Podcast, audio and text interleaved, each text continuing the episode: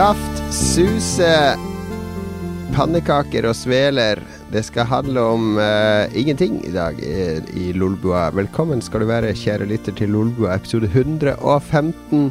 En kort og kompakt episode uh, der vi fokuserer på de viktigste tingene i livet, nemlig Melodi Grand Prix, skolearbeid og mm, vasking av bil. Jeg merker at jeg skulle, kanskje skulle sett på sendeskjemaet før sending. Jeg heter Jon Cato Lorentzen.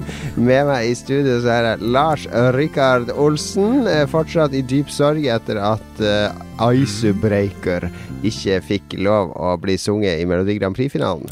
Tok det veldig greit. Vet at mamma ble litt lei seg, og sikkert mange i Nord-Norge. Jeg ga litt F. Skjønte at denne sangen var ikke noe Det var ikke en europeisk hit jeg leste at det var et utested i Tromsø som bare avlyste hele Melodi Grand Prix-kveld de skulle ha på lørdag, fordi wow. ikke Agnete gikk videre. Det er supert.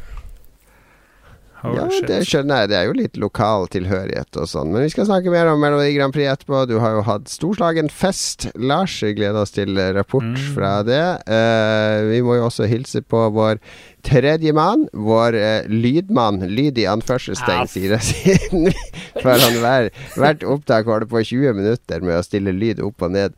Magnus Tellefsen, kan du høre Nå ble jeg veldig lav. Kan du gjøre noe med det? Da, da, da ble det høyt igjen! Da var det bra, Magnus. Jeg skulle ønske at jeg hadde 20 minutter jeg kunne teste lyd på hver sending, men uh, sånn primadonnaer som dukker opp uh, et halvt minutt før vi skal gå på. Og ja, med nøyaktig samme innstillinger som sist. Men ja, nei, det kan være komplisert. Jeg skjønner det. Hva, hvor tror du den holdninga kommer fra? den kommer fra, kommer fra Kristiansand. Den kommer fra Kristiansand.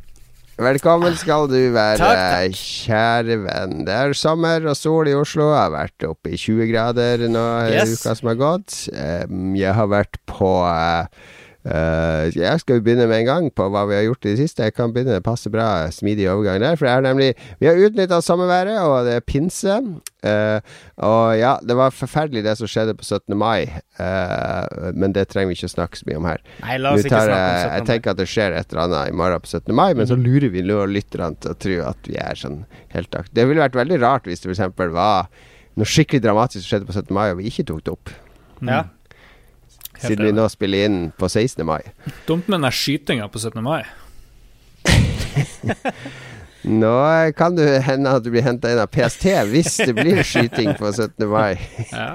Så nå beveger vi oss ut i Jeg tror vi skal la det landskapet der ligge. Det har vært bra vær i Oslo eh, den siste uka, og det har vi nytt til det fulle her i pinsen.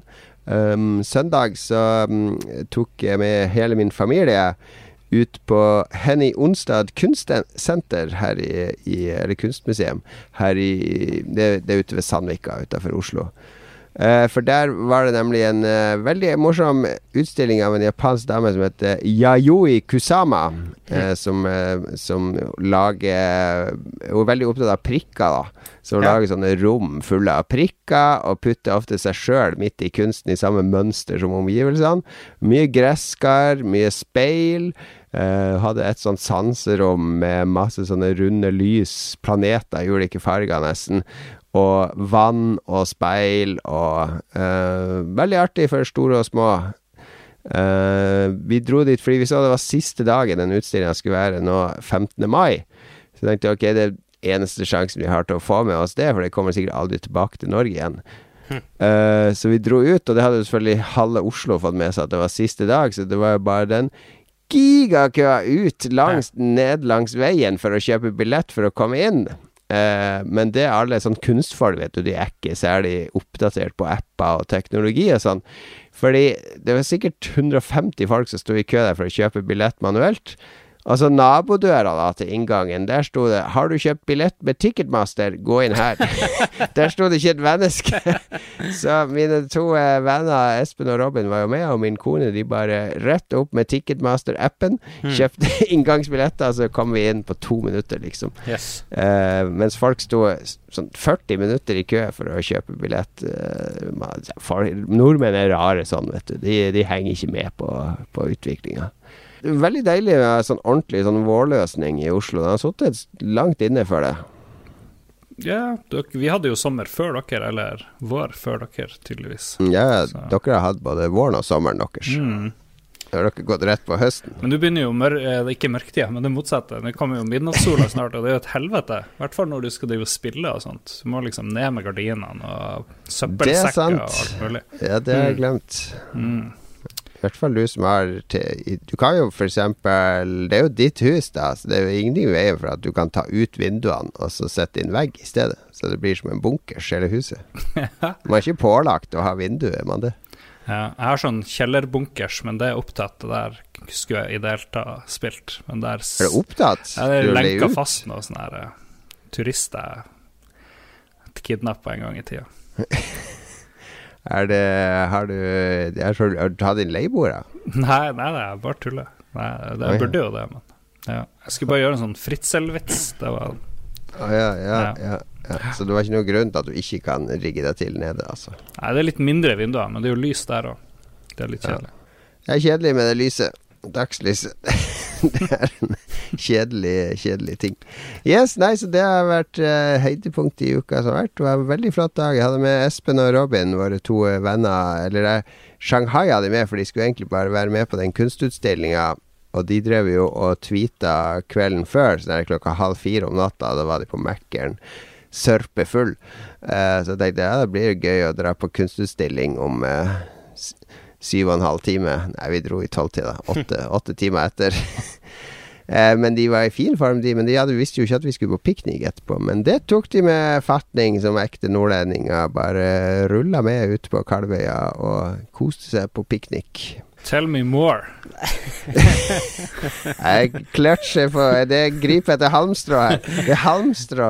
Ja, Men jeg reagerte, jeg reagerte på meg sjøl, blir det jo nesten. Nei, på, på fredag på toget til Hamar så Uh, fikk jeg, hadde jo Doom kommet den dagen da. Så skulle jeg surfe litt på nettet og se hva, om det var noe sånn konsens, konsensus, eller om det var noe sånn Folk hadde kommet med noe inntrykk. Så var det ingen anmeldelser. da Og så, tenkte, så søkte jeg litt på Twitter, og så så jeg sånn Jim Sterling sa at det var, her var overraskende kult. De har skjønt hva de skulle gjøre. Sånn.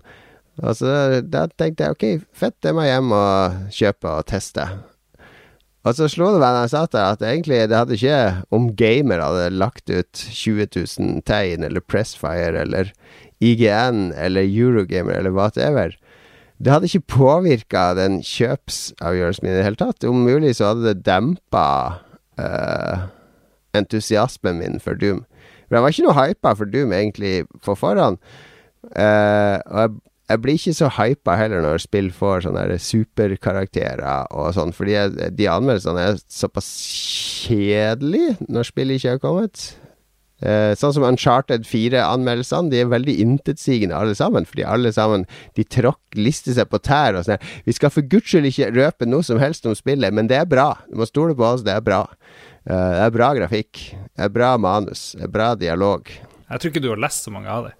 Det er min, Jeg leste min noen av dem. eh, og de blir veldig Det er ingen som tør å gå i dybden på noe som helst i de anmeldelsene. Eller klarer å gå i dybden på noe som helst.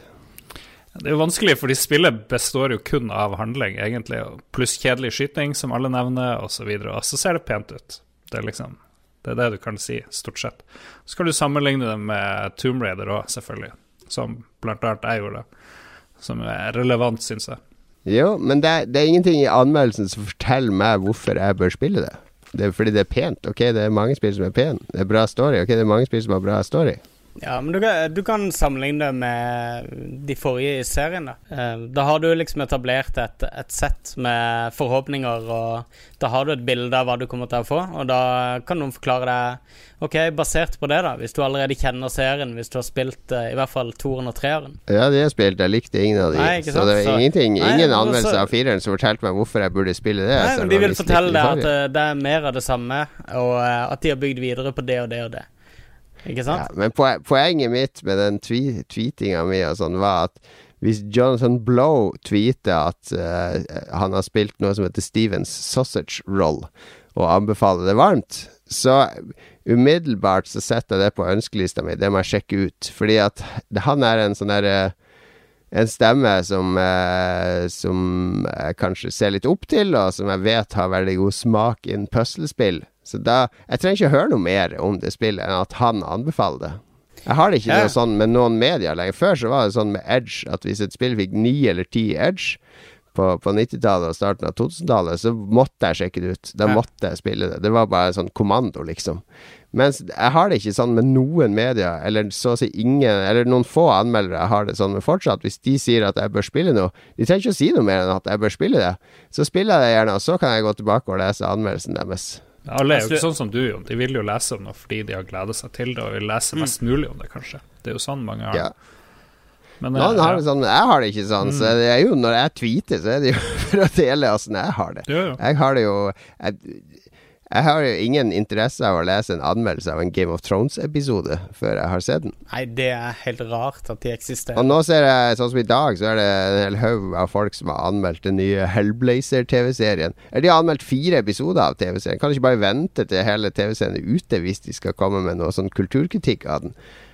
For nå, skal, nå er det bare sånn Det er jo sånn med TV-serier at ofte er det i første halvdel av sesongen at alle ressursene puttes, for det er det Ja. som anmelderne ser. Og så kan det godt dabbe av på midtparten og, og litt mot slutten, og kanskje avslutte på topp. Men de skal bare sikre seg de høye terningkastene først med de første episodene. Jo, det jo- men det er jo gjerne sånn at de, de sender ut et sett med episoder til pressen først, for at de liksom skal få en en uh, forsmak på serien for å si om det er liv laga eller ikke. Men når det er sagt, jeg, jeg tror ikke jeg har lest én anmeldelse av en TV-serie på ja, noensinne. jeg syns Ja, i hvert der er det òg sånn at jeg går på word of mouth. Altså Ja. Hvis Magnus anbefaler noe, eller Lars anbefaler noe, så legger jeg det på minnet. Med mindre det er sånn animasjonsserie, for det er bare tull. Det er for barn. Det ser ikke jeg. Jeg tror vi har 300 sånne eh, selvtitulerte TV-serieeksperter og ekspertpaneler og sånne ting, som diskuterer liksom det samme de samme fem seriene hvert eneste halvår. Og eh, liksom snakker om hvor bra de er, og så diskuterer de det på et sånn kvasi-dypt nivå. Og, Men alle de kommer jo fra Det er jo sånn mus tidligere musikkanmeldere. alle nesten er gamle musikkjournalister er. Asbjørn eh, Slettemark, Yes. og så er det hun der eh, som var i Lydverket før, og hun der eh, Cecilie i Aften Alle sammen er gamle musikkjournalister. Så nå, nå skal vi være ekspert på TV. Ja, men det er ingen som trenger de til musikk lenger, så de må bruke seg til Det er helt greit. Det, Ja det differensierer det. Jeg, ikke Jeg ser ikke Teddy, da. Og, eh, og jeg har for lengst slutta å lese anmeldelser. Jeg kan, kanskje jeg plukker opp at eh, OK, pressen over fuckings Alt er liksom helt i fistel rundt et spill. Da skjønner jeg jo at OK, dette bør jeg kanskje tenke på. Men lenge før jeg har fått med meg det, så har tre-fire personer jeg kjenner, sagt ifra om at eh, dette her er dritkult. Så. Ja. Nå, nå ble det veldig langt om min reaksjon her, men eh, ja, men apropos Slettemark, så han, eh, han er en jeg følger Hvis han tweeter eller snakker om en eller annen krimserie som er Ja. must see, så tenker jeg ok, den må jeg sjekke ut, fordi han eh, krim har han peiling på. Before Asami disappeared, she sent me this postcard from Great Northern. When they searched her room, all they found was this picture and this deer head. Let's think about this over a coffee. No, Lucy? Incredible. You two have got to try this. It's rich. Man, oh man, this Georgia is damn fine coffee. It's true. What about this deer head? Notice the symbol, Ken. I think you and I should take a drive. Big Ed's Gas Farm. Georgia. Eh, Lars, la oss gå over til deg. Storslagen Melodi Grand Prix-fest hos deg på lørdag. Hvor mange, hvor mange chicks var det? Mye, mye gays? Det er ofte mye homofile på eh, de, de har jo eh, tatt over Eurovision på en måte. Gjort det til, til sin kveld. Hva, hvor mange homofile hadde du hjemme, bortsett fra deg sjøl? Nei, hvis det er 50% Nei, hvor mange Det er kanskje ikke så mange. Hvor mange prosent av de som ser MGP, er homofile, tror du?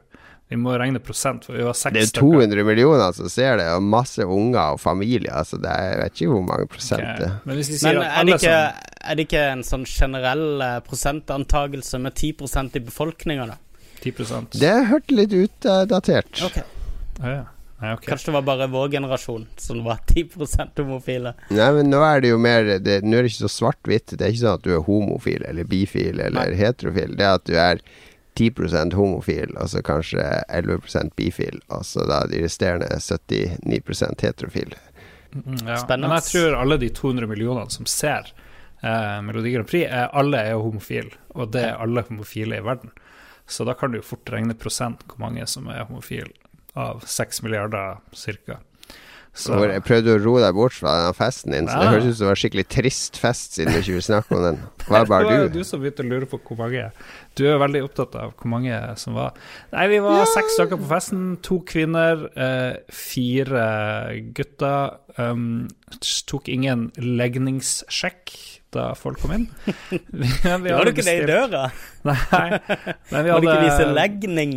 Vi hadde, vi hadde, skjema, så vi fylte ut skjema. Og for å, det var flere som nekta egentlig å komme, men hvis vi gambla litt, så ville de komme.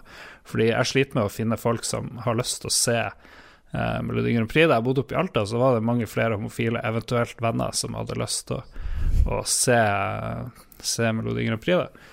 Så eh, da ble det gambling, og det ble sånn at den som hadde flest Eh, rett av topp fem eh, på sitt ark når det var ferdig, slapp å betale for den dyre sushien vi, vi hadde bestilt. Og jeg tippa Sverige på femteplass, det var helt rett. Og så tippa jeg Australia på andreplass, og det fikk jeg også helt rett på. Og så hadde også um, Russland i min topp fem. Og så var det ekstrapoeng òg hvis du fikk de på rett posisjon da, i topp fem. Så jeg fikk jo soleklart uh, mest poeng. Du var den mest gaye hele kvelden? Absolutt. Absolutt. Så det så jo lenge stygt ut, fordi det ble jo sånn Det der nye poengutregningssystemet Ja, det, det var litt uh, kontroversielt. Først var det sånn uh, fagjury har gitt poeng, da. Så blir det litt sånn ordentlig poeng. Og så er det sånn folkejury, og da på siste runde så snudde alt, eller noe sånt. Ja, det var skikkelig kaos. Det var skikkelig dårlig opplegg i år, fordi Vanligvis så har de liksom gått gjennom hvert land, de ringer inn, og så sier de sine topp fire poengsummer, på et vis. Nå var det mm. kun tolvpoengeren som landene sa, og da var det kun juryen sine poeng som ble sagt. Og der er hmm. Petra Mede og ene programlederen, hun stressa jo vilt. Det var liksom, De andre prøvde å koseprate litt, og bare hun svarte ha-ha, well, anyway, what about the 12 points? Så det ble sånn stressing av 42 land. Og det syns jeg var litt bullshit. Typisk. Og når det var ferdig, svensk. så bare kom alle de andre seerne sine poeng bare sånn rausende inn. Men hvem var det som ga poeng for Norge? Jeg fikk ikke med meg. Det var over så fort. Det var sånn blink and you'll miss it. Det var jo hun uh, Bettan. Og hvem var det jeg møtte dagen etter på Henny Onsdag kunstsenter? Jo, det var Bettan! Rett fra å dele ut poeng til 200 millioner seere til å henge med meg på Henny Onsdag. Og det er ikke langt unna sannheten, fordi jeg tok sånn herre uh, det var en sånn statue av henne der eh, eh, japanske dama som har laga utstillinga, så jeg tok sånn face-swap på Snap da med meg og den statuen. Alltid veldig morsomt å gjøre på sånne ting. Eh, og da sto Bettan rett ved siden av der og så på sånn utstilling, så så jeg at jeg tok sånn facewap, og hun bare 'Det var en god idé!' sa hun til meg, og så skulle hun gjøre det samme, da. Så jeg lærte Bettan å facewappe med en statue. Du er like inn, du er like inn på teknologi som Bettan. Det bør jo være Oh, hell yeah! Hell yeah, Mr. Technology! Mm. Det er meg. Uh, yes, men uh, fornøyd med festen? Terningkast? Terningkast uh, fem, helt soleklart. Absolutt. Ja, det må jo være noe sånn der Det må jo være et eller annet Melodi Grand Prix-miljø i Harstad. Kan ikke du putte inn en sånn der kontaktannonse i Harstad Tine? Jeg gidder ikke anstrenge meg i det hele tatt. Interessert, i, interessert i wrestling og Melodi Grand Prix. Og folk kommer på besøk og ser sammen med meg. Sånn kontaktannonse. Eller kontaktannonsen med færrest svar, tror jeg. Mest interessante svar. Ja. Ja. All right. Men uh, du, reagert, du har allerede reagert på den nye poenggivninga i Eurovision. Du, hva har du reagert på? Mm, nei, veldig lite. Jeg, skulle, jeg har fulgt med på at folk har vært på den der uh, retrospillmesse, det er dette. Ja, ja riktig. Den har vært nå i pinsehelga. Ja, så eh, det virka morsomt. Skulle ønske jeg kunne vært der og fulgt med på hva som skjedde. Og så ser jeg i etterkant så kommer folk og legger ut sånne bilder på ulike grupper om uh, sin fangst. De skriver fangst. Jeg bare, jeg skjønner, klarer ikke å bli venn med det der fangstbegrepet de her samlerne skal ut med. Vi har jo så vidt snakka om det før. Fifa 2008 og Ja, det er funnet alt mulig rart. Men hvorfor heter det Dagens fangst? Det, høres så, det blir så upersonlig, eller det blir så fabrikkaktig. Hm. Dagens fangst på, er jo det fabrikktråleren til han Røkke har, liksom. Ja, den, samlinga er jo sånn fabrikkakt. Du har sånn Excel-skjema som du har på et sånn clipboard, og så krysser du av alle spillene du har, og de du har med cover, og de du har med manual. Og så går du rundt med det eh, skjemaet ditt og, og støvsuger messe. I hvert fall de seriøse samlerne gjør jo det. Så det, det er jo bare trålefisking fra messe til messe. Ja, det er, det er liksom Dette kom i garnet i natt. Men Ja, jeg, det er et dårlig Det er ikke noe, jeg Du er fisker ikke med stang. ja. Uh, Lars, skal du bare skru på kameraet ditt til Skype? Ah, Katastrofe. Ok, Magnus, hva, hva smaken si? Hva har skjedd i ditt liv i det siste? Leverte oppgave i dag. En, en av de eh, to oppgavene. Jeg begynner å, begynner å liksom mm. ane en avslutning på studenttilværelsen nå. Det, det er nytt. Ja. Veldig deilig å levere noe. Jeg har eh, ikke hatt eh, pinseferie sånn som dere har. Jeg har sittet Sittet hele døgnet nede i en eh, ganske varm kjeller med ekstremt dårlig luft, og jobba med skole. Så jeg har Nu vel. Nu, hver gang jeg logger på Steam, så ser jeg Magnus sitte og spille Doom. Det gjør så du det er faktisk nå en ikke. sannhet Det- med modifikasjoner. Det gjør du ikke. Det øker jeg absolutt ikke. Um, men ja Nei, det er ikke så mye som har skjedd i livet mitt, så vi trenger ikke snakke om det, men uh, Du har kjøpt pølse fra Chili Klaus. Ja, det det kan du jo snakke om. Ja, jeg, jeg skal jo sitte og lese i morgen, så jeg skal ikke være ute sammen med dere på 17. mai og uh, oppleve denne her masseskytinga som Lars har uh, Hæ? Ja, du skal være den der ensomme karen høy, høyt oppe i blokka med sniperrifla. Det er 17. hvem som sitter der, klokketårnet. Um, ja, jeg har kjøpt de der Chili Claus Chili Dogs-greiene. Uh, Chili Klaus er jo en sånn danske som har eh, nå tjener penger av å spise chili. Eller, eller han, han lagde noen sånne videoer der han spiste chili med kjendiser, som er veldig morsomme. Han har vært i Norge og spist med Truls og noe. nå. Så han, nå har han gitt ut diverse chiliprodukter, inkludert pølse. Ja, han selger jo Han selger jo de der krydderne og noe sprit og noe pils og mye, mye forskjellig. Typisk danske produkter, da. Som han Ja, selger ja. som um, Litt vanskelig å få tak i i Norge inntil videre, men nå har han inngått et sånt samarbeid med Gilde, så det ut til. Hvor han har lansert uh, en sånn her pakke med uh, chili dogs. Så den første, det er liksom seks pølser. To av de var med jalapeño, og to med habanero, og to med den der ghost chilien. Og det var vel den du spiste, Jon Cato? Nei, jeg spiste Carolina Reaper. Ja, det var det, den er over ikke- Ghost igjen. Men disse her, da Han, han utstyrer det jo med, med sånn vindstyrke, disse her chiliene. Og det går fra, én 1 til 10, tror jeg. Jeg tror det er det som er skalaen. Så det er to som er eh, Altså disse jalapeñoene er vindstyrke 2. Og så er det vindstyrke 5 med eh, habanero, som er, og habanero er en ganske spicy eh, chili. Og disse det er jo akkurat passe. Ja. Akkurat passe. Og Ja. ghosten er på 9, da. Så den blir spennende. Så Det her, eh, Noe vi skulle ha gjort på live på Lolbua 150, var jo å ha eh, noe sånn der ghost-pølse som vi spiser under sending. Ja, det er så jeg lett. sitter og svetter litt. uff, uff, uff. Nei. Du er ikke glad i spicy, eh, Lars? Ja, jeg, ikke jeg begynner å svette fort, altså. Det gjør jeg. Det er en, en eh, taco med litt eh, hot saus fra Rema 1000 er mer enn nok. Det var for deg stabburet lagde Grandiosa mild taco. Fordi de var for guds skyld ikke ha for sterk taco, så folk begynner å svette. Å spise den der mild taco-pizzaen, det var som å spy innover. Utrolig tullete rett. Æsj. Ja, nei, men du, gleder meg til rapport. Ja, Da det skal du spise de pølsen. Jeg skal spise det i morgen, mens alle har eh, Jeg har kjøpt inn masse usunn mat jeg skal meske med meg her i leiligheten mens jeg sitter og leser. Ja, da, forventer full rapport. For, kan, kan, ikke du ete de live på Twitch? Eh, nei, det tror jeg ikke skal gjøre, for jeg skal sitte og lese på økonometri mens jeg gjør det. Kan ikke du lese på eh, økonomi live på Twitch? Jo, det kan jeg. Jeg kan lese høyt fra økonometrien. Ja. Det er gøy. BI minutt for minutt. Men um, jeg så en film i går som jeg tror du er litt interessert i, Jon Cato, uh, Oh. som het uh, En dokumentar Um, disse her spilltematiserte dokumentarene, sånn feel good-dokumentarer, det har jo blitt en liten sånn trend i kjølvannet av den uh, King of Kong, som kom for en del år mm. siden. Uh, denne her uh, handler om Magic the Gathering-miljøet, eller turneringer, da. Og mm. den heter Enter the Battlefield, tror jeg han heter. og disse Wizard of the Coast har vært med og um, Wizards of the Coast har vært med å produsere den og sånne ting. Um, det var litt kult. Jeg kjente igjen en del Heartstone-spillere som ble liksom bare sånn showcasa i, i dokumentaren i begynnelsen. Men premisset er at man følger vel en, en sånn fem profiler gjennom forskjellige mesterskap i liksom jakten på sånn verdensmestertittel og Hall of Fame. Um, mm -hmm. Deltakelse.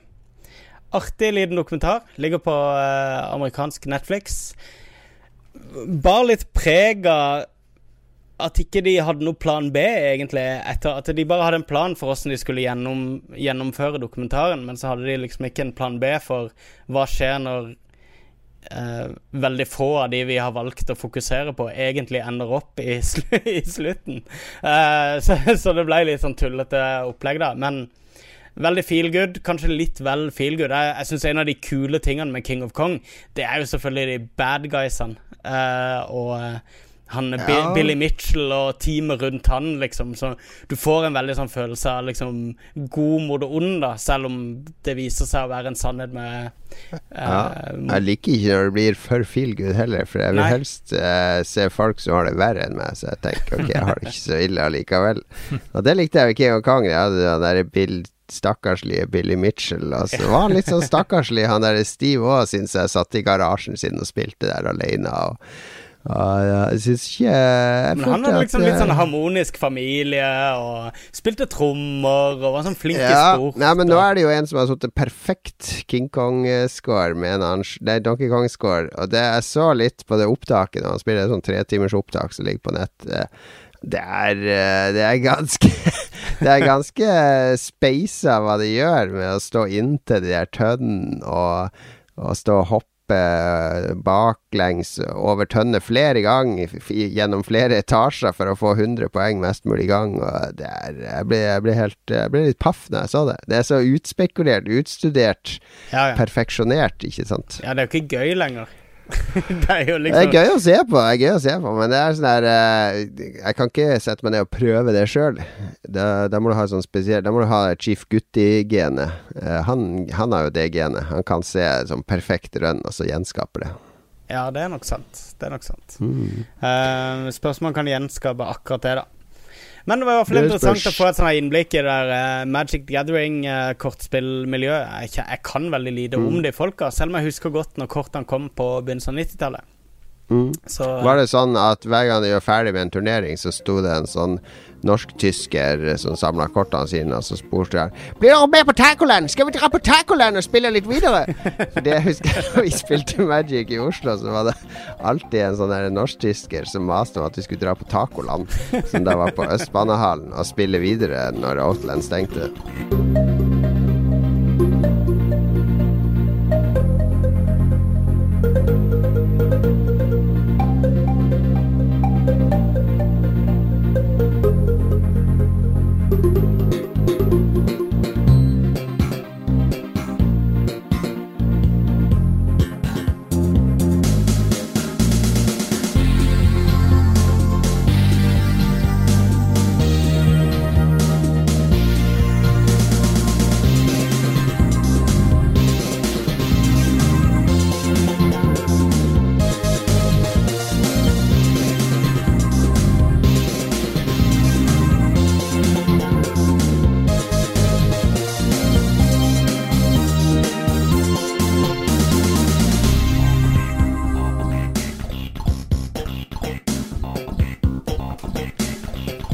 Da er vi tilbake for å snakke litt Hva var det for en tramping? Hva er det du holdt på med? Jeg mista mobilen min i gulvet. Det var det som skjedde.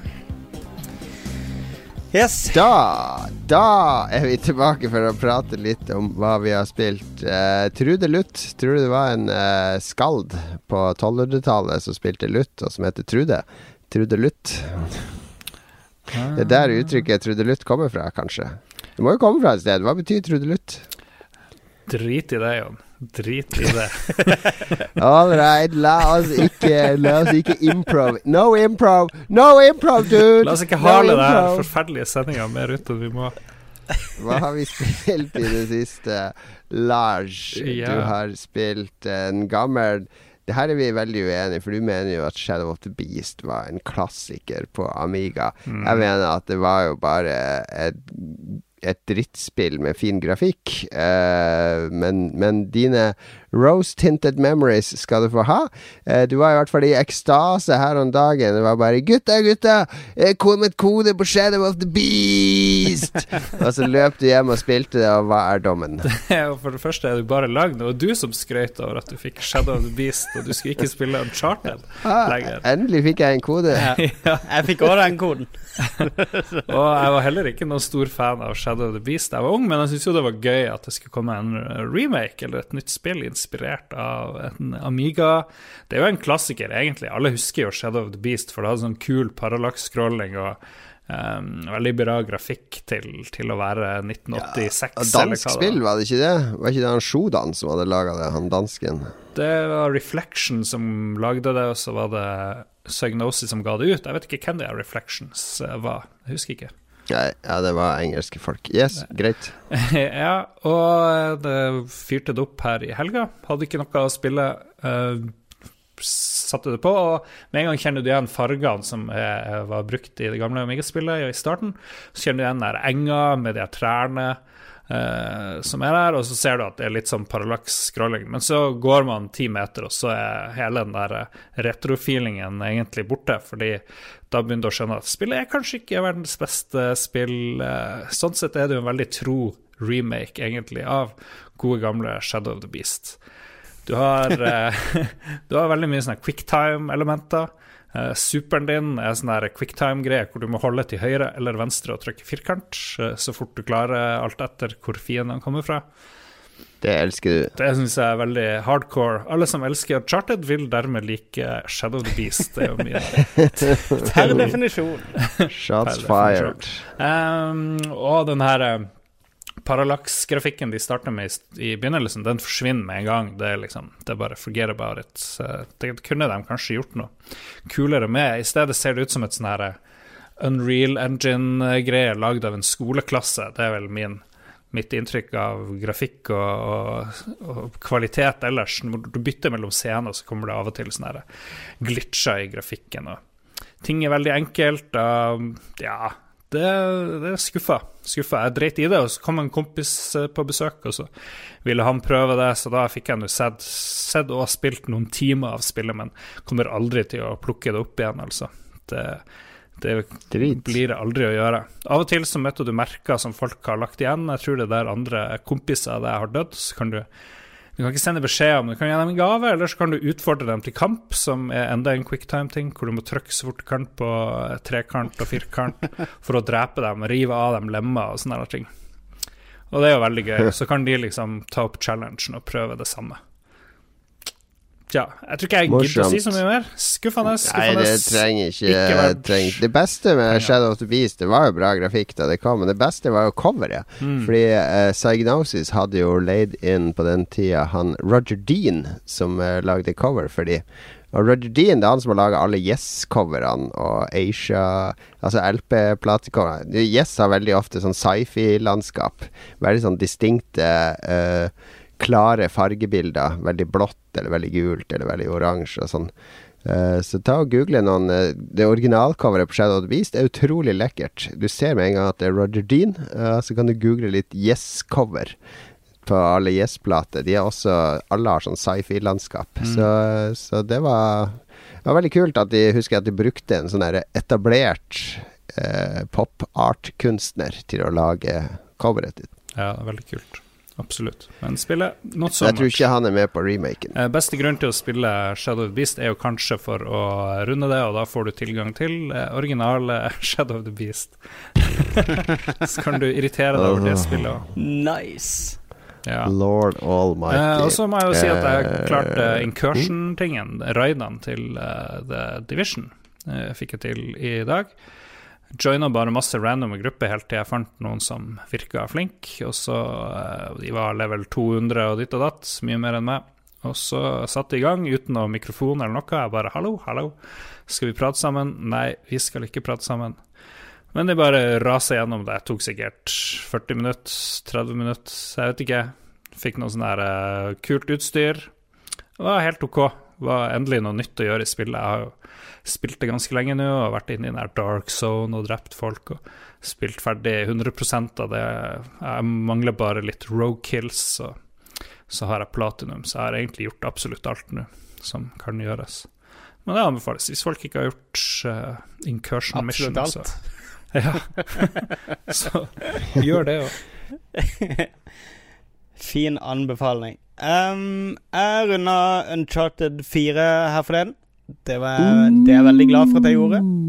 Det var et, eh, et fint spill, syns jeg. Absolutt et av de bedre spillene jeg har spilt i år. I hvert fall en av de bedre um, Hva skal jeg si sånn Opplevelsene sammenheng... Eller uh, totalt, da. Som, uh, som en liksom har blitt dratt gjennom. Veldig smart skrevet story. Dødsbra manus denne gangen. Den skal de ha. Og Det, men det er uh, sånn bra til å være spill, er det ikke det? Åssen da? Nei, det, er syns Manus, ja. Nei, det er greia. De har liksom De har tråkka over nå, over i den verden der du liksom er sånn her Wow, det var faktisk en, en, en bra kommentar. og wow, det var faktisk litt smart, og wow, de gadd ikke liksom avsløre absolutt alt i hver eneste scene. Og, nei, mye smartere skrevet enn det meste jeg har spilt av spill tidligere, i hvert fall.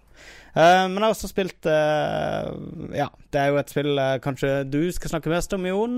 Jeg vet ikke. Du har kanskje spilt mye mer enn meg. På Doom på Ja, PC. det litt um, Men før vi gir slipp på Uncharted var, Vi har diskutert den en del. Jeg, det syns jeg vi Ja. må ta noen setninger om det. Skal vi hente frem den? La oss hente frem den. Det er dessverre bare fire mennesker som har tilgang på chatten mellom oss tre og Jostein er i Red Crew. Og der, den chatten har jeg gjort eh, egentlig gitt opp, Fordi hver gang jeg går inn der, så er det sånn 300 nye meldinger, fortrinnsvis fra Lars og Jostein. eh, Nei, som, eh, som driver og, og, og danser ki- kinn mot kinn eh, mens, de, eh, mens de elsker til Uncharted. Mm. Ja, og så, og så kom det jo en sånn morsom melding fra noen som Jeg husker ikke hvem som sa det, som mente at uh, det her Charted 4 det var egentlig i bunn og grunn en slags walking-simulator med litt Det var en kommentar på Eurogamer. Ja, ja. Det var utrolig morsomt. Da fyrte jo uh, Fyrte jo 40-50 av gjengen seg. Det vil si Magnus og Jostein, som elsker spillet overalt på jord. Ja. ja, egentlig. Årets beste spill, er det det, Magnus?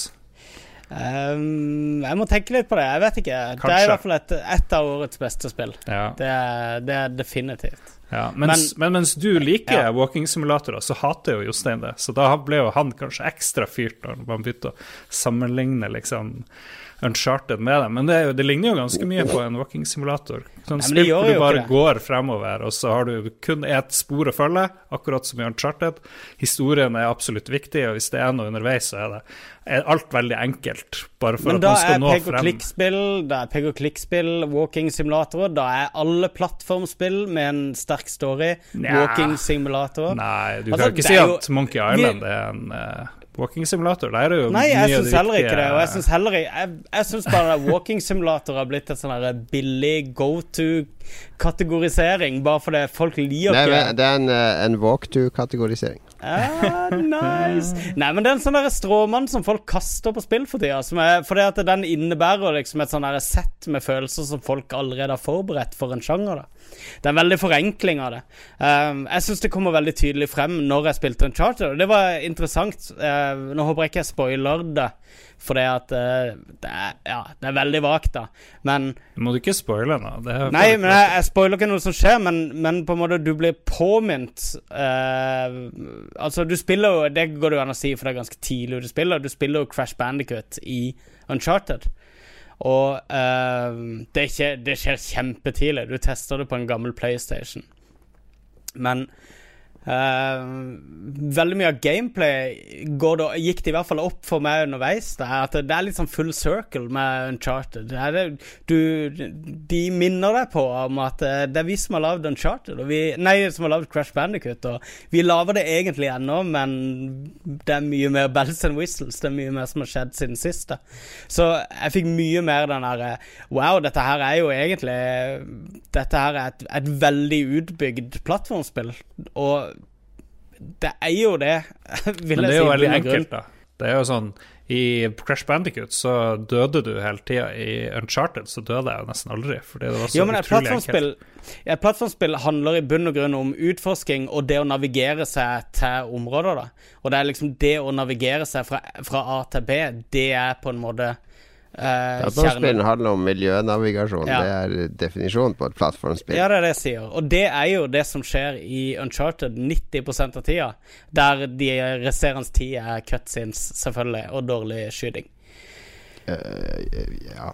Nei, det, det, er en del Det er selvfølgelig Det er slengt inn en del skyting og action og sånne ting i det, men det er et Eh, altså, jeg, jeg, har ikke noe problem med å kalle det et adventure-spill, for jeg mener det på en måte tikker alle boksene i, i hva Uncharted har å by på. Men hvis du skal forenkle det ned i en annen sjanger, så vil jeg si at det, det, den veien spiller heller ikke mot walking simulator. Da er det mer et plattformspill, hvis du absolutt skal karikere det, syns jeg. Ja, jeg tror, vi trenger ikke å definere det som en walking simulator. Men det, hvis du definerer det som et adventure-spill, så er det i hvert fall det første adventure-spillet i verden med en uh, førstepersons skytespill-multiplayer-del. Eller tredjepersons skytespill-multiplayer-del. Ja, den multiplayer-delen Jeg skjønner ikke hva de tenker. Uh, Nei, jeg vet ikke. Jeg har ikke prøvd det. Men jeg har prøvd spillet. Jeg spilte Jeg, jeg tror jeg har kommet et stykke på vei. Jeg er ute på en sånn båt. Uh, ja, ikke, fortell, båt, ikke fortell så mye til de som ikke har spilt Nei da, det er helt greit. Alle har fortalt alt i den gruppa før jeg har kommet meg dit, så, men jeg må ikke fortelle lytterne. Drit i det, drit i lytterne. Darth Vader er faren til Luke, og uh, Nathan er uh, faren til Hitler. Det er sånn tidsreise, så det er det som er Jeg hadde bare sett frem til episode fire, Jon.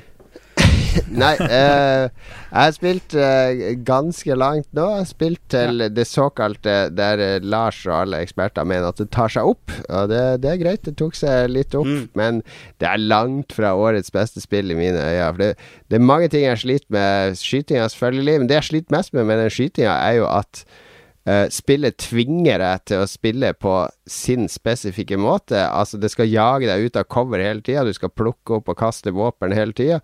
Du har ingen måte å, å, lage din egen taktikk eller angripe kampene på egen måte og sånn. Det syns jeg er for dårlig i dag. Det er bare Det er tidsfordriv, de kampene. Det er som uh, japanske rollespill. Ja. Det er bare sånn hinder for å få det til å vare lenger. Men det, er jo det, det provoserer meg skikkelig. Sånn har hele serien vært. Det er bare sånn dårlig jo, filmmasse. Jo, men det betyr jo ikke at det må være sånn i dag. Nei, jeg sier det er irriterende.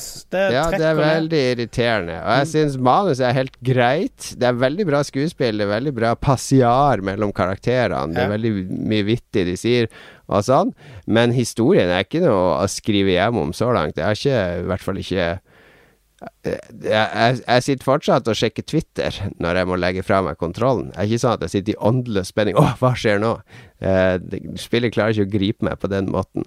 Så det er vel, det, det mest velproduserte eh, Aardvark var det vi kalte den sjangeren på 80-tallet. Action adventure. Eh, som jeg har spilt. Altså sånn velprodusert teknisk og smi... Mm. Ja, manus og alt mulig sånn. Ja, visuelt ja, men det er, er helt nytt ja, nivå. Men det, det, jeg klarer ikke Jeg er ikke frelst på det ennå. Men jeg skal spille det ferdig. Nå mm. Den siste timen så spilte jeg, da så ungene på. De syntes det var veldig kult med disse skattejegerne. Og så skulle vi gå på taket på båten og så hoppe stupe uti og svømme og sånn. Så alle ungene fikk være med, og så sang vi Sabeltann mens vi kjørte rundt og lette etter sjørøverskatten. Det ble ganske bra. men du spilte jo de første tre timene av spillet, Jon Cato, med, med, armene i kors og en sånn sur mine og, eh, og Nei, Facebook ved siden av deg er sånn Nå skjedde det!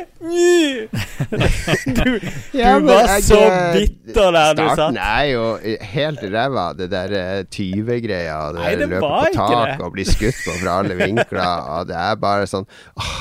Men det, problemet med Uncharted nå jeg ser jeg jo at når jeg er ferdig med det Jeg kommer aldri til å spille det spillet igjen. Nei, og det sier jo jeg. Det har jo ikke noe gjenspillingsglede i det hele tatt. Nei, det må være en eventuell har f.eks.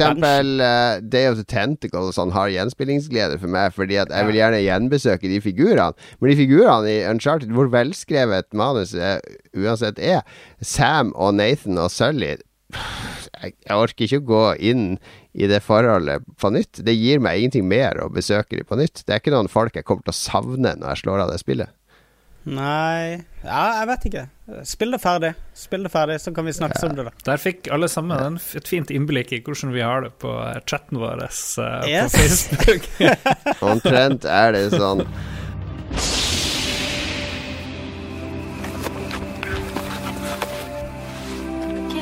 私はどうしたのどこにいたのもう大丈夫だよジョージア Great idea, Ken. Brewed rich. Tastes incredible. Georgia's all around. Georgia ni makasero. Nei, la oss snakke litt om uh, ordentlige spill. Uh, du. Jeg har, ja, du, jeg skal nevne et mobilspill først, for det tar vi opp for lite her. Um, jeg hørte på en, uh, en ny podkast Hva er det den heter? Har du hørt den, Lars? Det var Greg Kasavin som var gjest nylig. Nei, jeg vet ikke. Hvilken podkast? Det er uh, Det er en podkast som handler om Jeg skal finne navnet på den til etterpå. Det er en podkast i hvert fall som Det er en engelsk dude som bor i Japan. Han snakker med utviklere eller profilerte spillfolk. Han har én gjest hver gang, og premisset er da liksom de skal velge åtte spill så de kan ha med seg. De skal bo resten av livet på en øde øy med internett. så de må velge åtte spill så de skal ha med seg på den øya, og forklare hvorfor. Um, og Greg Kasavin, eh, de som ikke kjenner det, han var jo redaktør i Gamespot i mange, mange år. Uh, var med å definere uh, spillnettmedia når, når papir døde ut. Og så begynte han å lage spill, så det er han som er bak Supergiant Games med Bastion og, og uh, Hva heter det sverdspillet? Transistor, mm. Uh, så han er liksom produsent på de to spillene. Eh, møtte han på E3 et år. Veldig hyggelig, oppegående fyr. Så han var gjest da, og så ble, så jeg på Twitter at ok, han hadde vært gjest der, og han hadde fått programlederen til å spille Clash of Kings, som jo er det nye Supercell-mobilspillet, eh, de som lager Clash of Clans. Eh, og så hørte jeg på podkasten når jeg trente og prata sånn kvarter om Clash of Kings. Uh, beskrev det som uh, Hvis du liker Advanced War på Gameboy Advanced så, Wars. Ja, Advanced Wars, ja. Fordi det han sa, Advanced Wars det tok basically en sjanger som er sånn oppblåst og overkomplisert. Og tok ut essensen av det og gjorde det veldig enkelt, mm. presentabelt og lettspilt. Selv om det var kompliserte nok kamper der, men du har alltid oversikt over mekanikkene og sånn. Og det samme gjør Clash of Kings. Det har den samme tilnærminga, mener han, til strategisjangeren. Fordi Clash of Kings er en sånn blanding av Heartstone og Tower Defense. Uh, du har, du har spillkorter som er forskjellige typer soldater. Og så har du sånn mana som kommer opp, lades opp hele tida. Og så har du kort koster forskjellig styrke, da.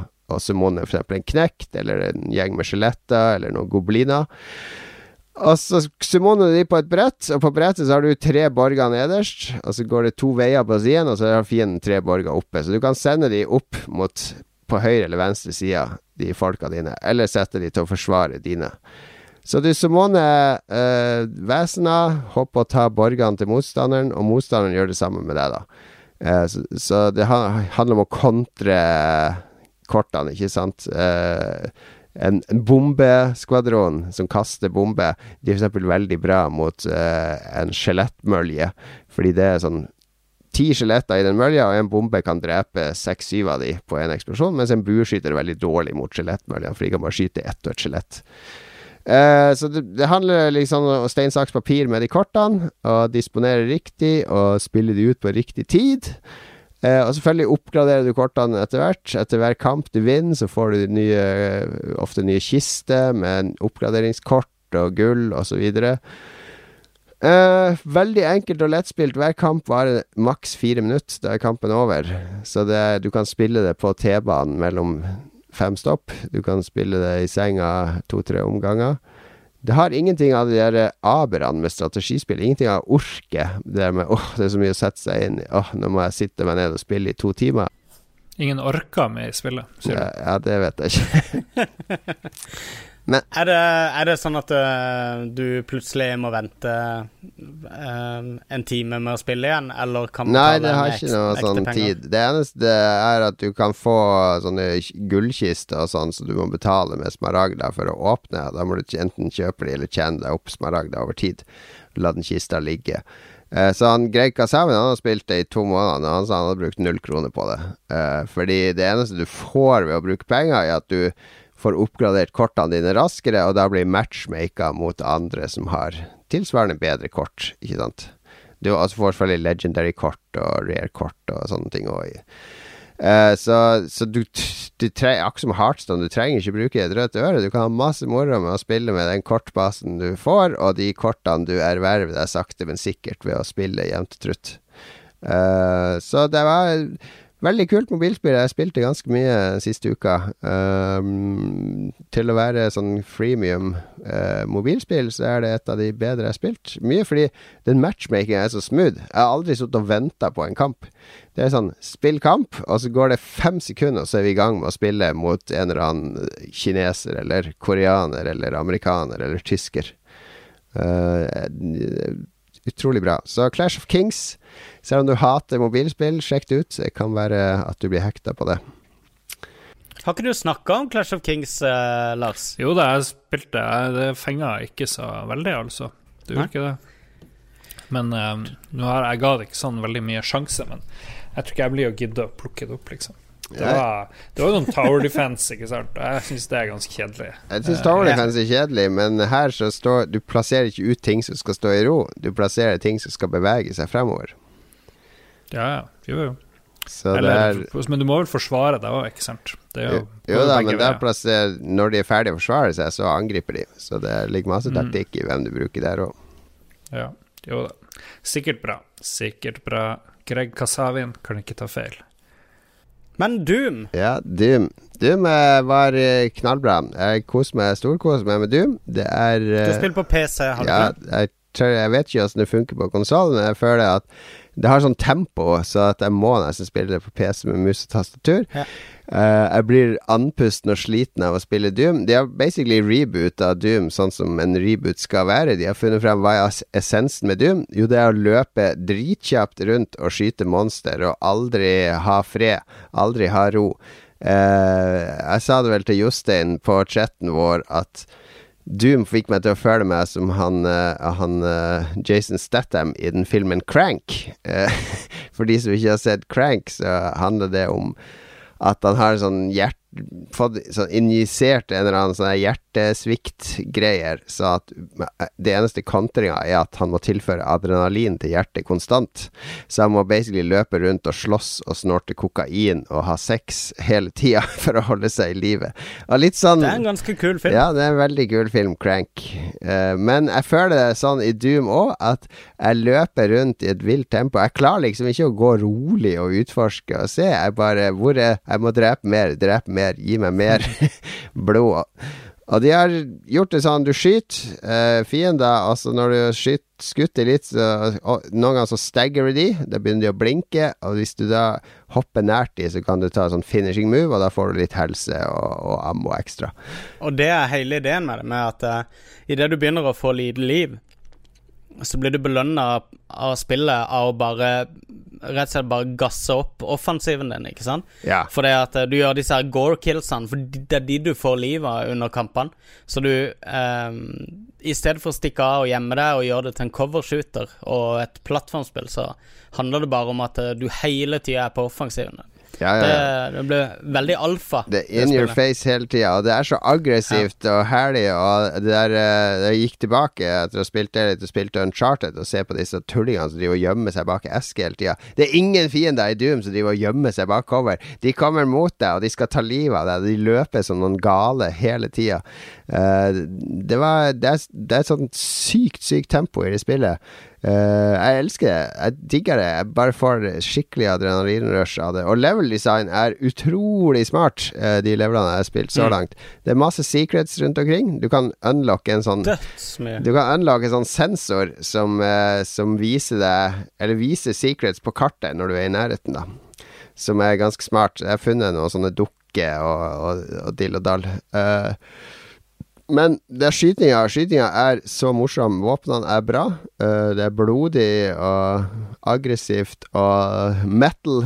Metal-musikken når de store kampene, de bare drønner inn, og sånne riff, og de toner ut når det roer seg ned, og da sitter jeg bare der og puster tungt og bare uh, svett i håndflata og har overlevd. Ja, det er bevegelsesskyting. Det er back to basics. Det er uh, spikeren på hodet. Multiplayeren er forferdelig, da. Den prøvde jeg en gang. Ja, Dritkjedelig. Den holder meg langt unna. Men den singleplayeren kommer jeg til å gå tilbake og spille masse, selv når jeg har runda det. Pumpe opp vanskelighetsgrader litt og perfeksjonere våpen og, og alt. Er det Nine Inch Nails som styre musikken. Det kunne vært det.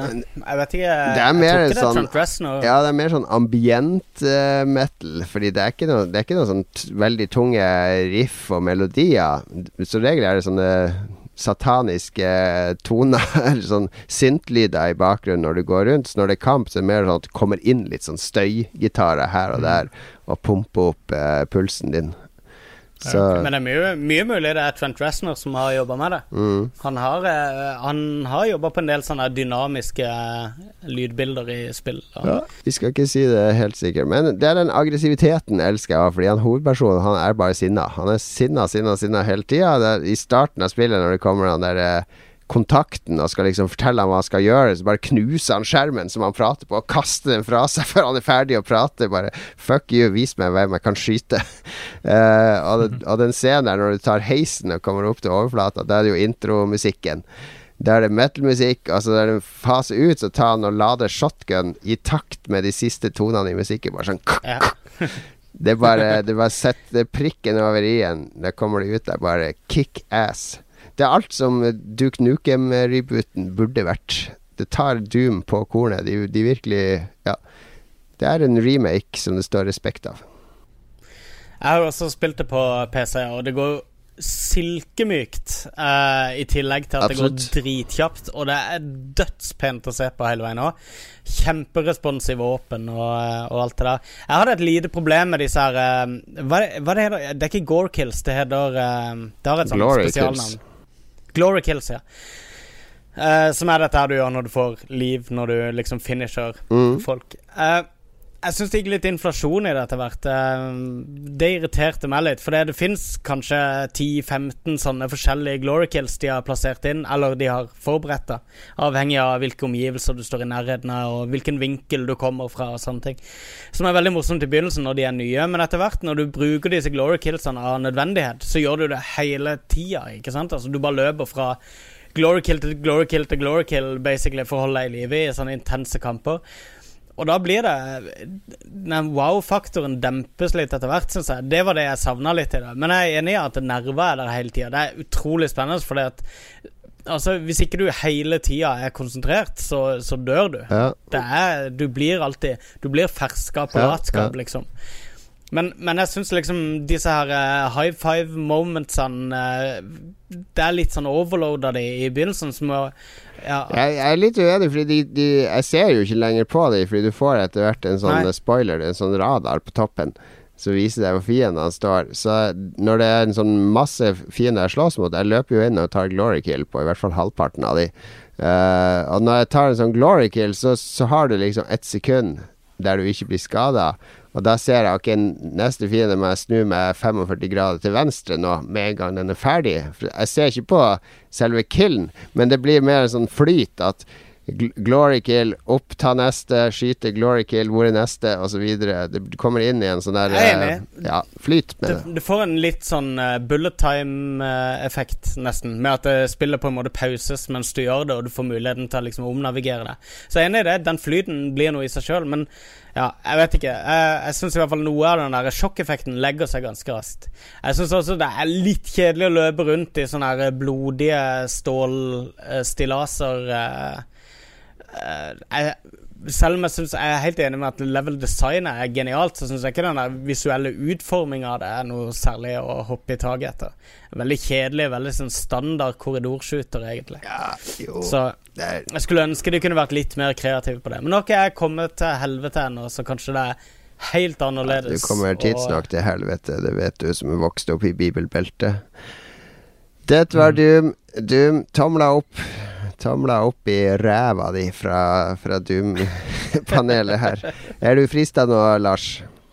Uh, ja da, jeg har satt det på nedlasting nå. Men du skal spille på PS4? Det blir PS4, ja. Jeg har ikke noe annet å spille det ja. på som du. Ja, men det, det funker sikkert der òg. Vi får se. Vi får se. Det var veldig smooth, den der multiplayer-demoen, da. Det var jo 60 ja. frames og bla, bla, bla. Ja, det går sikkert bra. Det, det, det, handler mest om om du får den nødvendige frenetismen i, i dine egne bevegelser. Altså denne ville Men ja.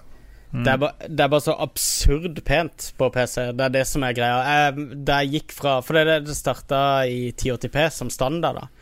Eh, og det oppdaga jeg ikke før et lite stykke unna. Så bare Å ja, herregud, jeg har jo 1440P. Eh, og idet jeg oppjusterte, så var det nesten som å gå inn i et helt nytt spill, sånn visuelt. Så ja. for meg er det helt uaktuelt å spille på en å, se en ny PC Master Race. High five! High five, Magnus! Du, jeg, jeg, har hatt, jeg, har hatt, en gaming-PC. Det sier du alltid når jeg kritiserer deg for at du ikke ja. er som PC-spiller. Jeg har alltid hatt gaming-PC. Men ja, helt på slutten her så skal jeg faktisk skryte litt av Uncharted, for en gangs skyld. Ja! Fordi eh, jeg lasta også ned The Witcher 3 på PC, for nå kommer den siste expansion snart. Så du spilte det? Ja, jeg spilte jo gjennom Jeg spilte en god del på Witcher 3 når det kom kom. En, jeg spilte til Bloody Baron, eller ja, sånn cirka. Eh, og så var det andre spill som tok oppmerksomheten, og så kom jeg aldri inn i det igjen. Så nå har jeg starta fresh på PC, fordi nå er uh, den siste av de store expansionene kommer nå straks. Så jeg tenker hvis jeg starter fresh nå, så kan jeg føye, pløye gjennom det med begge expansionene. Um, uh, og da selvfølgelig på PC med mitt 980-kort, som snart er utdatert, dessverre. men, men uh, alt på maks uh, flyter som bare det. Men herregud, hvor crap det ser ut etter du har spilt Uncharted 4. Altså de yeah. action-eventyrscenene. Uh, både kampene har jeg aldri vært noen fan av i Witcher, for de er så flytende. Men også sånn dialog og samspill mellom figurer og, og de greiene der. Eh, der har virkelig Uncharted heva lista. Eh, vi har snakka om det før, sånne spill som der du liksom leveler opp innen en sjanger, og så blir det vanskelig å gå ned enn det. Altså det du anså til å være sånn perfekte klassikere før det, ser du plutselig Å, det er ikke så bra. Det er ikke så bra lenger. Helt enig. Så, men, men, veldig kult spill for det, da. Men det var bare en sånn observasjon. På bare et år så har det liksom fått Du ser at det har blitt sånn, begynt å bli utdatert det, det tekniske de presterte for et år siden. Witcher 3 drittspill. Dette var det vi hadde spilt. Vi rekker kjapp lytterspalte. Jeg må dra om 15 minutter. Litt musikk, og så lyttere.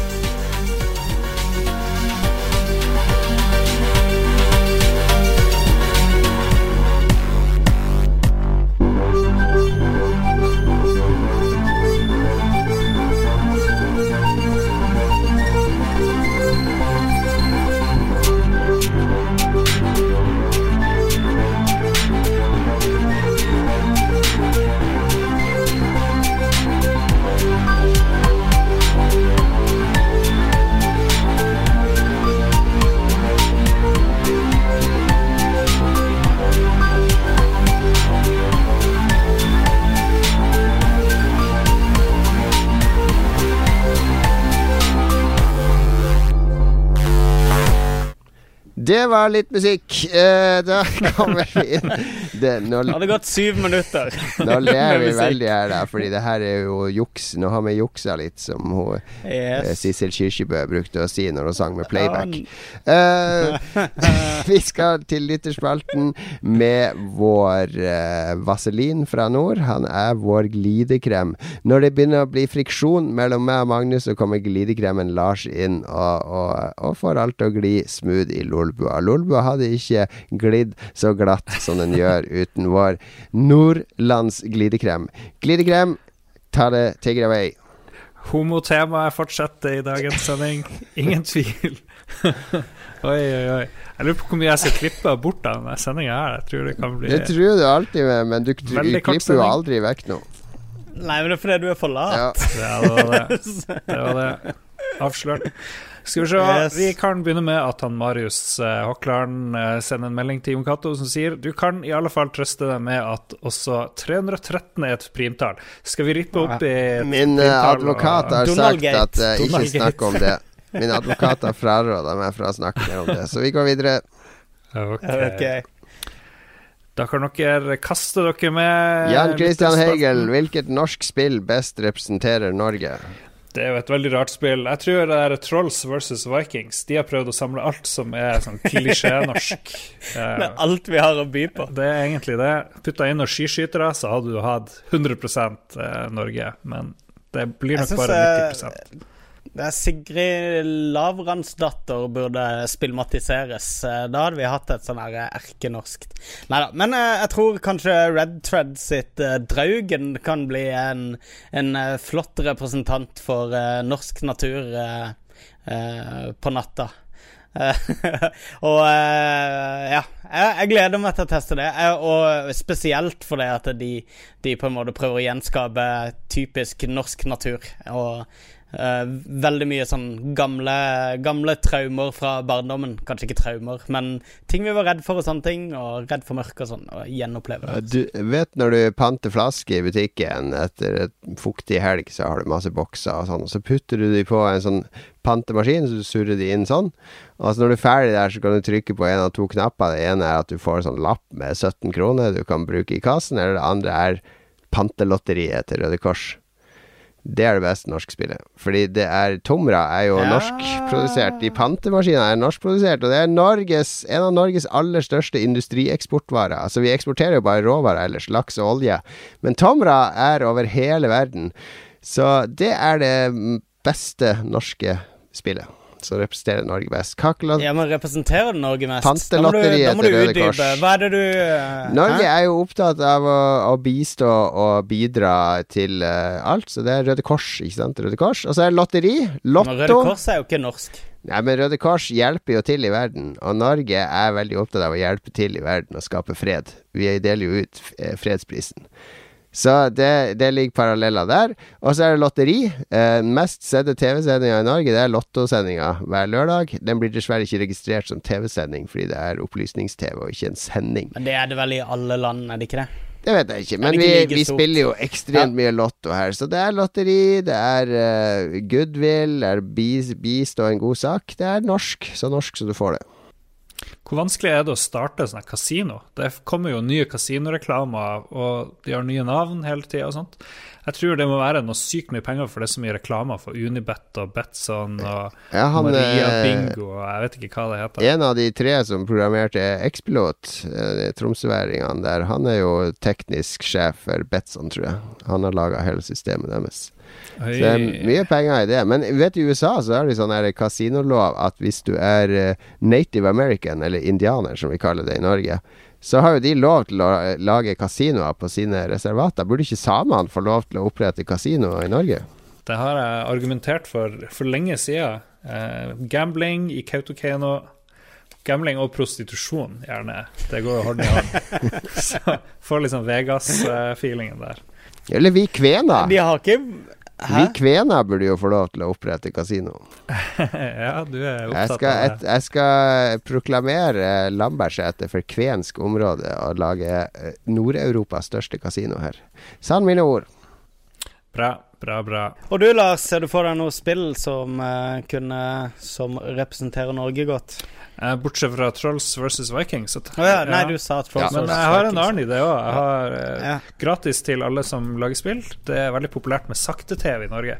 Hva med saktespill som tar Ja, utrolig ufattelig lang tid, som ikke har noe stort poeng? Sånn her, du hadde jo det altså Sigrid Lavransdatter. For eksempel. Eller bare noe sånn her du skal hive ved på bålet og sånn. Men jeg føler kanskje at jeg har sett det spillet. Muligens. Hurtigruta minutt for minutt-spillet, der du skal styre Hurtigruta. Det er sånn her Pippin Bar-aktig spill, ser jeg for meg. Som Du hadde. Du hadde åh, Hva heter disse to uh, uh, tryllekunstnerne? De uh, Absolute Bullshit, er det ikke den den serien? Penn og Terror. Teller Ja, Penn Teller. De lagde jo et spill på eh, 90-tallet for PC. skulle kjøre buss i ørkenen. Yes, hvor du skulle kjøre buss fra Los Angeles til Las Vegas, der de holdt til. Og eh, det er bare en rett vei. For de som har kjørt den veien der, så vet de at det er stort sett en rett vei. Veldig lett å kjøre. Men eh, denne bussen her tilta bitte grann til venstre hele tida. Så, så, det er en eh, Jeg husker ikke Er det en seks-syv timers kjøretur? Ja, det er hvor du må så må du stoppe ved-. Ja, så shiner du mot venstre hele tida, så, så du må hele tida justere på rattet.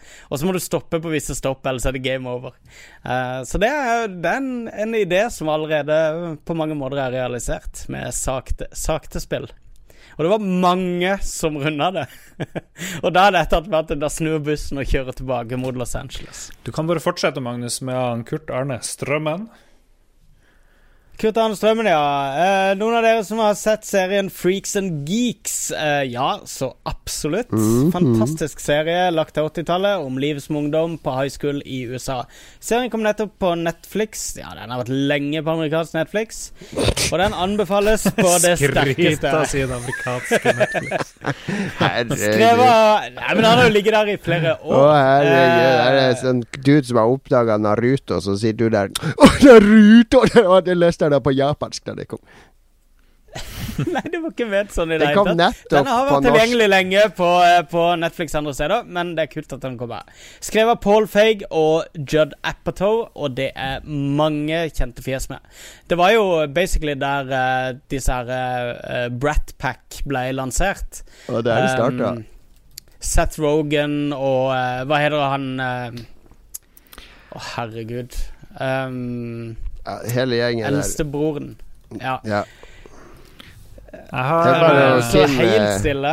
James Franco og eh, ja, det er veldig mange kjente skuespillere som begynte som ungdomsskuespillere der, da. En dødsfet serie. Minner litt om det der eh, Mine beste år, bare satt til ja, sånn rockere på 80-tallet i stedet for Og, og nerder på 80-tallet. Nerder og er han- rockere det handler om. Eh, de utskuddene på high school, rett og slett. Men det var også der Apatow og de begynte var jo med den serien. Det var veldig synd jeg aldri fikk noe sesong to, da, for det er veldig sånn lagt opp til at det skulle bli en sesong til. Men det Ja, virkelig. ble Han for sterk ser ut kost. som, eh, han som ser ut som mest geek der, han der som er spilt av Martin Starr, han eh, har jeg jo intervjua, for han var med i eh, Hva det heter Død snø 2. Han var jo Oh, Nice. kompis med han Han er med eh, i. Silicon Valley, ja. Ja, Yes, ja. og eh, Party Down, og han er med i bare bra serier. Ja. Og jeg, jeg, hadde ikke, jeg hadde ikke hørt omtrent om Freaks and Geeks. Jeg hadde sett det, men jeg vet ikke om det het noe annet i Norge, eller jeg vet faen liksom hva det hva det er er. på high school. Og skal jeg liksom kjøre bil med han Tommy Wirkola og han her Martin Starr for å spørre dem noe, noe fornuftig. Jeg hadde ingenting lurt, absolutt ingenting lurt å spørre om, så det ble den mest flaue kjøreturen slash eh, intervjuet i verden. Fordi han der Martin Starr var ikke noe sånn her bø på seg sjøl, det var sånn her sitte bitter og holde kjeft-aktig type. Det er alle rollene hans. Ja. Ah, ja, dårlig jobblart. Nei, det er bra, bra serie. Bra serie. Det er verdt å se, selv om eh, den har vært på amerikansk Netflix lenge, og du ikke er noen Netflix-hipster hvis du ser den på norsk Netflix i dag. Til alle dere som har amerikansk Netflix, så må dere sikkert scrolle veldig langt ned før dere finner den. Når jeg tenker meg om, så er Martin Starr er sikkert bare bitter fordi jeg var så elendig å stille spørsmål. Så han er sikkert en hyggelig Sannsynligvis. fyr. Ja. Sannsynligvis fordi du, hvis du er noenlunde som du er i podkasten her, så begynte du mot slutten av intervjuet å unnskylde deg for å dårlig intervju. ja, det gjør jeg sikkert òg. Ja, dette ble ikke bra. Dette må være det dårligste intervjuet jeg har gjort. All right. Harald Brobakken Danielsen. Plattvist. Trump troller republikanerne. Egentlig en demokrat. Kjør debatt. Eh, Det er lenge siden vi har hatt uh, Trump-spalte, og jeg tror vi må prøve å ha det neste uke. Vi rekker jo ikke det i dag, men jeg er helt enig. Uh, Gjør Norge greit igjen? vi gjør Norge greit igjen. Men uh, han, Trump kan jo plutselig bli demokrat, han. Det ser jeg ikke bort fra. Han er jo Han var demokrat. Fikk dere med dere det siste? Han hadde sånn her James Miller, sånn alias, hvor han brukte å ringe journalister og late som at han var sin egen pressetalsmann. Ja. Han, han har gjort det helt siden Altså, i, i 30 år har han gjort det. siden, siden slutten av 70-tallet. Ja, er Der han snakker om seg sjøl i tredjeperson. Det var, det var et sånt kjent fenomen blant, uh, blant journalister på den tida. Oi, Så ja, ja, nei, det er han. Ja, det, ja, han Eh, apropos. Donald Trump, så anbefaler jeg alle å følge Dungeons-Donald på Twitter. Det er en eh, parodi-Twitter-account der eh, Donald Trump er eh, DM i ADHD, da. Så den, det ja, du, Nå tenker du what the fuck, men det, det er helt perfekt. Det er masse photoshoppa bilder av Trump som sitter bak som DM-skjerm og Og uh, You just rolled a one, Gary. Look at me, Gary. That's a critical failure, Gary. You failed. Og sånn. de tar Trump-sitater og overfører de til Game Master-lingo. Ja, det er bra. Dungeons and Donald, er det ikke det? Nei, Det heter bare uh, Dungeons Donald i ett ord. Ah, Cato Sondresen. Siste. Ja, Cato Sondresen spør om vi har noe forhold til Tomba 2 på PlayStation. oi, oi, oi. Nei, Det der slåssespillet dessverre. har Det er plattformspill. plattform. to Tomba er plattformspill. Ja. Tomba. Du tenker på Tobal. Nei, det, Tobal nummer én. du. Ja, jeg tenker på Tobal, ja. Ja, det var Square Enix sitt slåssespill. Tomba 2 det er mind. et sånn rasistisk uh, plattformspill der du er en sånn der uh, innfødt uh, Ja. eh, det, Med rosa hår. stemmer det. Du er sånn lykketroll, basically. Ja, og, og undertittelen på Tomba 2 er The Evil Swine Return. Sorte svin retourner, som det heter i Danmark. Herregud. Sorte svin er jo dansk for uh, tyrkershot, så det er jo ikke noe Ja. rasistisk, det.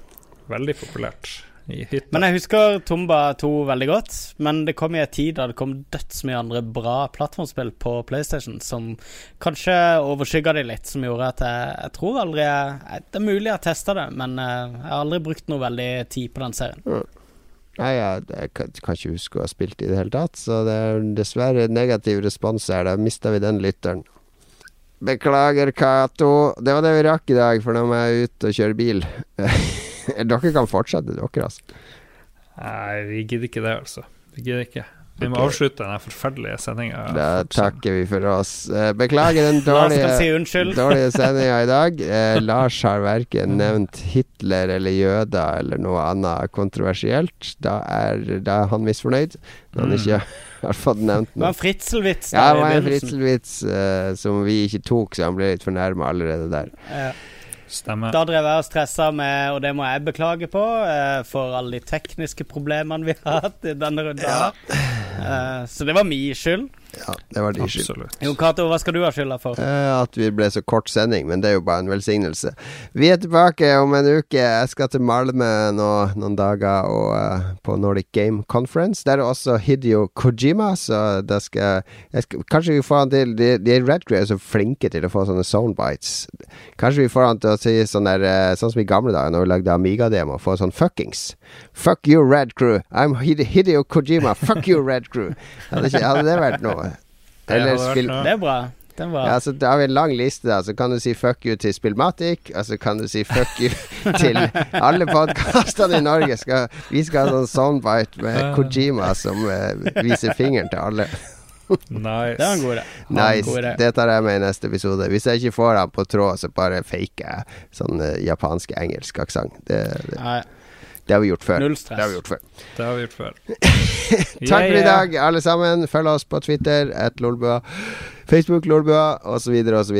Du kan drillen. Beklager kort sending. Vi er tilbake om en uke, og så skjer det sikkert noe på nettet òg. Følg med på lolbua.no. Ha det bra! Ha det. I want all my Garman Bozia.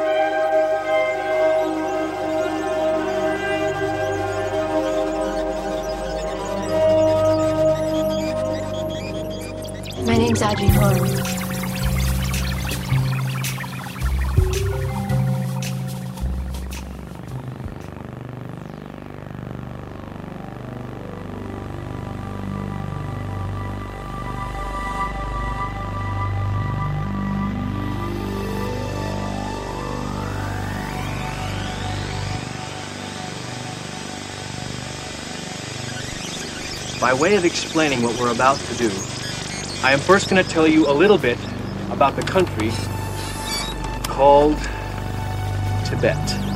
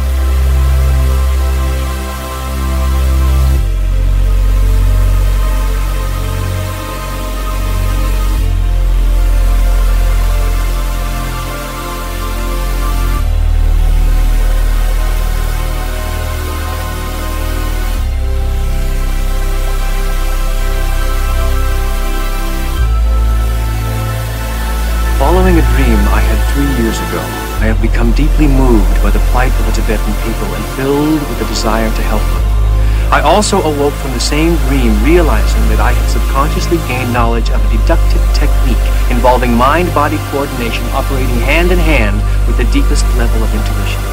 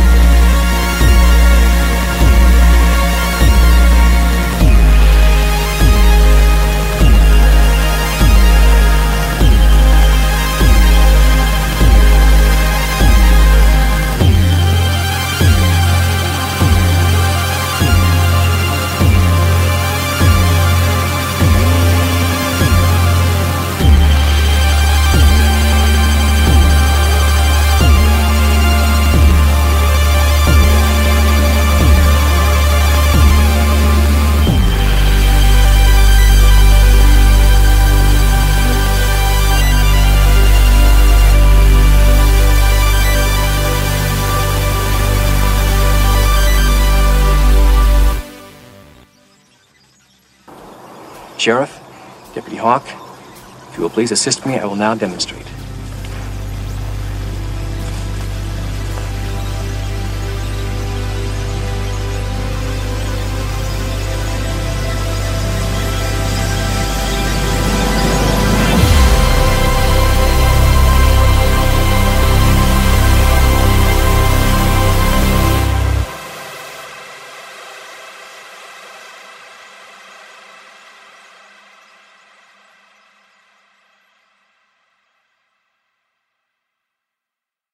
Har du et enkeltpersonforetak eller en liten bedrift? Da er du sikkert lei av å høre meg snakke om hvor enkelt det er med kvitteringer og bilag i fiken, så vi eh, gir oss her, vi. Fordi vi liker enkelt. Fiken superenkelt regnskap.